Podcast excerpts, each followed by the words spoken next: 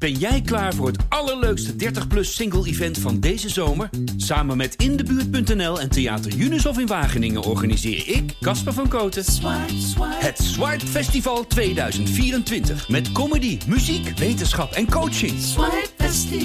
Maar vooral heel veel leuke mensen. Bestel nu je kaart op swipefestival.nl. Swipe, swipe. Hallo, mijn naam is Pieter Klok. Ik ben hoofdredacteur van de Volkskrant en dit is een nieuwe aflevering van de Volkskrant Elke Dag. Een dagelijkse podcast waarin we de achtergronden bij het nieuws bespreken en vooral ook proberen te schetsen hoe de wereld op tal van terreinen onder onze ogen aan het veranderen is. Vandaag gaan we het hebben over een fenomeen waarvan ik zelf dacht dat het eigenlijk al uitgestorven was in Europa. Uh, wat vooral een grote rol speelde in de Eerste Wereldoorlog, alweer ruim 100 jaar geleden. De loopgraaf. Uh, uh, zeg maar een, een soort gracht waarin solda soldaten zich verschansen en hopen dat ze daar nooit uit verjaagd kunnen worden. We gaan het bespreken met uh, Michael Persson. Welkom Michael. Dankjewel. Uh, je bent zelf in de loopgraven geweest, maar hebt vanmorgen een, een, stuk gepubliceerd waarin je eigenlijk beschrijft hoe snel die loopgraaf weer belangrijk aan het worden is of geworden is. Uh, hoe heb je dat precies achterhaald dat, dat overal nu loopgraven worden aangelegd? Nou, het begon eigenlijk met onze collega's van de dataredactie. En de dataredactie die hebben hier nu in de Oekraïne-oorlog ook uh, beschikking gekregen over uh, satellietfoto's. we hebben een abonnement op een satellietfotoservice, waarin je heel gedetailleerd kunt zien wat er op de grond gebeurt. En vooral ook op de grond op plekken waar je niet zelf kunt komen. Dus achter de linies, de Russische gebieden, bezette gebieden moet ik zeggen. En daar zijn zij gaan kijken naar waar liggen eigenlijk loopgraven en waar liggen dan de nieuwste loopgraven en kunnen we daarover iets zeggen uh, en over het verloop van de, van de oorlog. En dat was eigenlijk uh, het begin van, mm -hmm. van, van dit artikel. En ja, het is een enorme opgave, want er zijn heel veel loopgraven in, uh, in heel Oekraïne zelfs. Niet alleen rond het front, maar ook ver achter het front aan de Oekraïnse, Oekraïnse kant. Ook in het bezette gebied, door de Russen bezette gebied. En uh, ja, daar hebben we dus zelfs een, uh, een softwareprogramma op losgelaten, een algoritme om aan de hand van die foto's, of in die foto's eigenlijk, te zoeken naar loopgraven en die te herkennen. Dus dan zoek je niet met je ogen, maar je laat een algoritme voor jou zoeken. Ja, dat, uh, dat klopt. Uh, en dat begint natuurlijk wel met oog, want je moet kijken ja. wat zijn de kenmerken dan, wat zie ik. Uh, en dat zie je op, op foto's. Kunnen ook een, kan ook een heuveltje kan eruit zien als een loopgraaf of een, een, een rijtje met, met vuilniszakken bij wijze van spreken. Dus je moet het wel laten leren. Dus het is een, een zelflerend algoritme geworden. Volgens mij, als ik het goed heb, aan de hand van drie modellen. Dus mm -hmm. op drie manieren zijn ze door die foto's heen gegaan. En dan kan je zeggen, als alle drie die modellen iets herkennen Zeggen, dit is een loopgraaf, dan ja. hebben we dat ook geclassificeerd als loopgraaf. Zijn we vervolgens zelf nog naar, uh, naar gaan kijken of dat inderdaad uh, als je inzoomt uh, of dat dan echt zo En is. wat levert dat algoritme dan kilometers loopgraaf of wordt het op een kaart geprojecteerd waar al die loopgraven zitten? Ja, het is in dit geval uh, op, een, uh, op een kaart uh, geprojecteerd. En dat heeft Joris Heikant, moet ik trouwens even zeggen, dat is de man die dit allemaal kan en doet en gedaan heeft. Dus die kan zowel geweldig zoeken als geweldig programmeren. Dus daar is dit het resultaat van. Dus inderdaad, die, uh, die loopgraven die het algoritme vindt, dat kunnen soms stukjes van een paar honderd meter zijn. Soms zijn het stukken van een paar kilometer. Soms zijn het cirkelvormige structuren met nog ook vaak dwarsverbanden. dwarsverbanden. Het kunnen hele complexe zijn. Ja, en, en dat, dat zijn als je het op de kaart ziet, want dat is inderdaad hoe we het uiteindelijk mm. hebben gepresenteerd over het hele front en eigenlijk in heel Oekraïne plekjes aangegeven waarin je ze ziet. En ook weer niet allemaal, want anders is de... Is maar is het nou een tendens van de afgelopen weken, maanden, dat, dat er heel veel meer bij zijn gekomen? Dat, dat het toch blijkt dat de Russen een soort uh, nieuwe verdedigingslinie zoeken, die ze dan ook kunnen handhaven? Het is zo eigenlijk, eigenlijk gedurende de hele oorlog is het een, uh, is het een belangrijk middel geweest voor beide partijen. Uh, dus ook Oekraïne, die heeft er heel veel gegraven en gelegd het, eigenlijk het front uit 2014, uh, het Donbassfront, is voor een deel nog, voor een belangrijk deel is het nog hetzelfde, ligt het op dezelfde locatie als, um, als acht jaar geleden. Maar is het dan gewoon zo'n front zoals we het kennen uit de Eerste Wereldoorlog? Gewoon aan beide kanten hebben, hebben de partijen zich ingegraven en, en ze komen geen centimeter verder?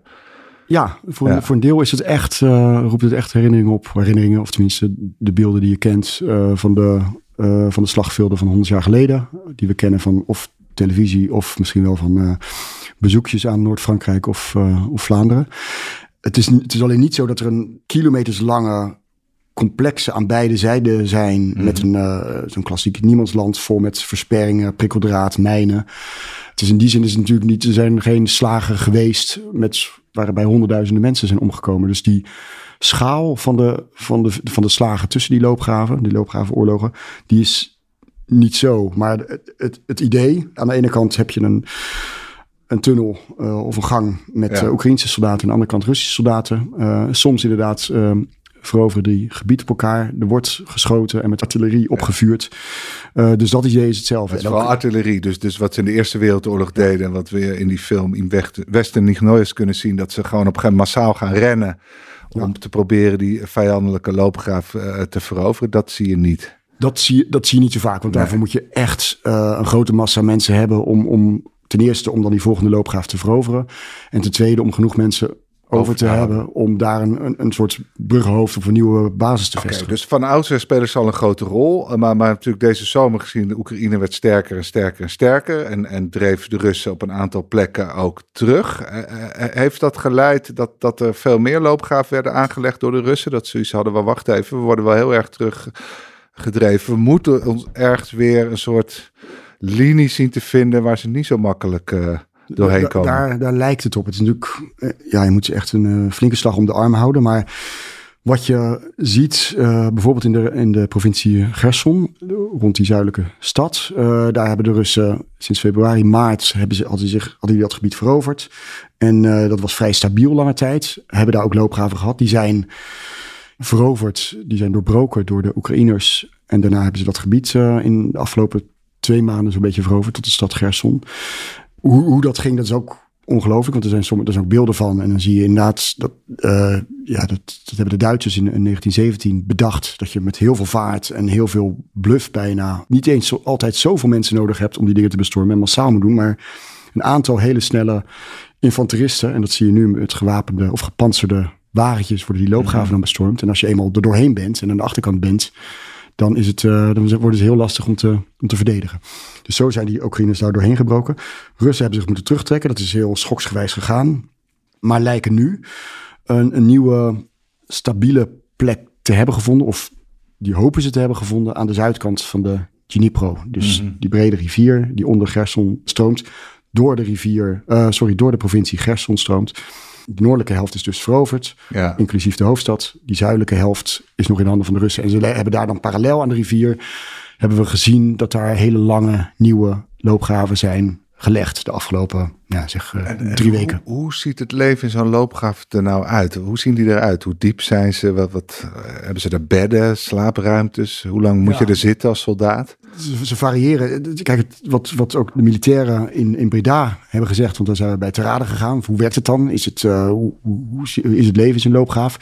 Eigenlijk het eerste wat een militair of een soldaat doet als hij onder vuur komt te liggen op het slagveld, is met zijn schepje gaan graven. Want je wil gelijk plat en dan in een verdieping, zodat je minder makkelijk door de scherven kan worden geraakt, wil je iets hebben. Dus je wil heel snel iets van diepte. Dus al, al na een dag heb je al iets van een halve meter. Of na een uur misschien wel. Als je meer tijd hebt, dan krijg je dus een, een, een echte gang. Uh, en die wordt dan sterker gemaakt. Die wordt uitgediept. De diepte is, hoorden wij, uh, nu normaal gesproken 2,30 meter. Dus dan heb je, uh, zelfs voor de langste soldaten, heb je nog een paar uh, decimeter over boven je hoofd. Die gangen worden dan versterkt met hout. Soms worden ze overdekt om ook uh, dekking te hebben tegen mortieren of tegen granaten die van boven in die loopgraf zouden, zouden vallen. En dan heb je ook nog ja, een soort schuttersputjes om uh, op, de, op de wacht te staan en te kunnen schieten op uh, eventuele vijanden. En veel grotere ruimtes, uh, echt een soort bunkers van aarde, overdekt, kamertjes, mm. kamers met een eettafel erin, keuken erin. Andere kamers met, met britsen, stapelbedden erin. Dus daar leven soldaten ja, meestal een paar weken lang tot ze worden afgelost door de, door de volgende roulatie. Waar moet je nou het meest bang voor zijn als je in zo'n loopgraaf zit? Wat is het grootste gevaar voor de soldaten daar? Ja, dat, dat, dat denk je, dat je inderdaad heel kwetsbaar bent. Mm-hmm. En dat ben je ook. En je bent kwetsbaarder geworden doordat de, soldaten, doordat de wapens uh, preciezer zijn geworden. Dus uh, nu um, zijn de Russen natuurlijk heel bang voor die HIMARS. Dat is, heeft echt... Uh, dat is echt een verandering. Lange afstandsraketten met ja. grote precisie. Die nauwkeurigheid die is, die is verschrikkelijk. Want tot dusver, tot een nou zeg, 10, 15 jaar geleden...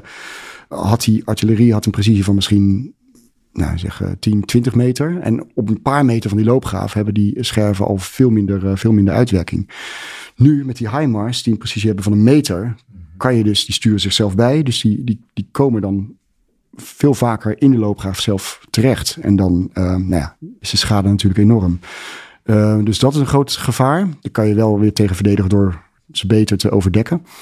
Een tweede is, uh, dat zijn de drones natuurlijk. Dat is helemaal nieuw.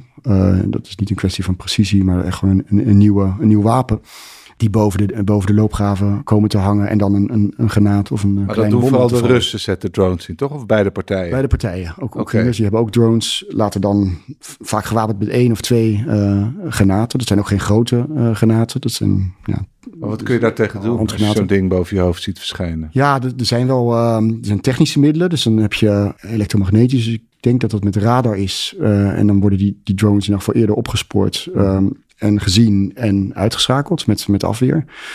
Veel uh, analoger is uh, door, uh, wederom, door, door die loopgraaf te overdekken of met camouflagenetten. Dus dan zien de drones in elk geval niet waar je zit als, mhm. als individuele soldaat.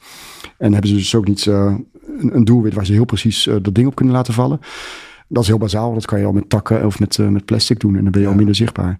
Wederom, dus, dus aarde, met planken en aarde, um, ben je al beter beschermd tegen, tegen ook dat soort maar granaten. Je hebt, je hebt ook Oekraïnse soldaten bezocht uh, rond Mykolaiv, als ik me niet vergis, afgelopen zomer. Uh, daar heb je, heb je ook mee gesproken. Hoe, hoe zien zij hun leven daar? Wat, wat, wat is dat voor bestaan?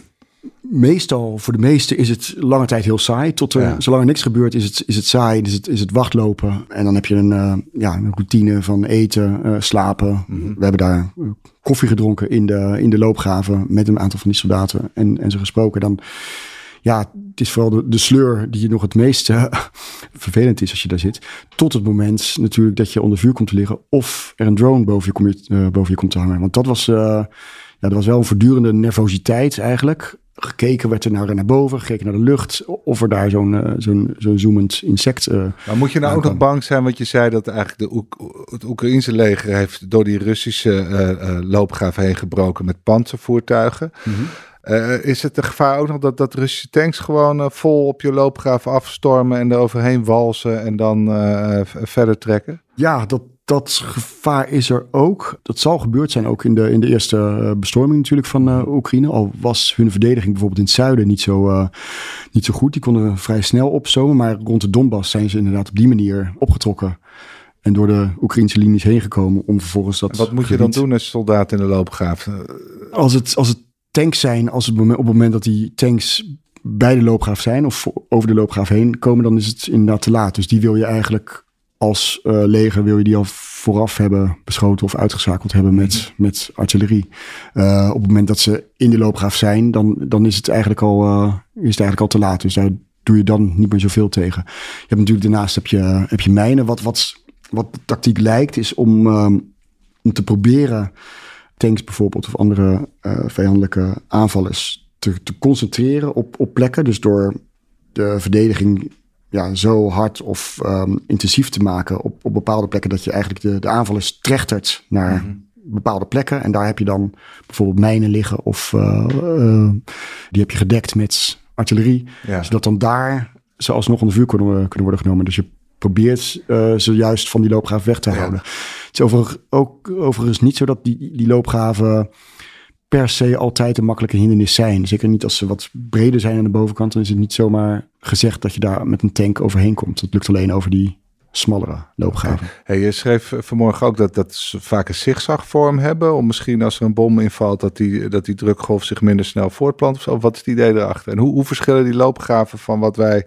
kennen uit de Eerste Wereldoorlog? Ja, die zigzagvorm, dat is, uh, die, die is echt bedoeld om, de, om, om uh, kogels of, of, of granaatscherven om die inderdaad op een gegeven moment weer, weer tegen te houden. Zodat het, de schade die ze aanrichten niet eindeloos is. Dat je, dat je in een loopgraaf uh, gaat zitten als vijand en dan een kilometer ver kan, kan schieten. Dus het houdt op waar uh, bij de eerste bocht. Om inderdaad op die manier de, de, schade te beperken. Een tweede reden dat ze zo gekarteld zijn, is dat je dan op verschillende richtingen ook kan vuren als, uh, als verdediger. Dus je, je kan, meestal zit je, kijk je loodrecht uit vanuit die loopgraaf. En als je dus uh, die loopgraaf onder een hoek laat lopen, dan heb je dus ook een andere uh, richting waarop je kan, uh, kan schieten. Dus dat zijn de twee redenen waarom ze zo gekarteld zijn.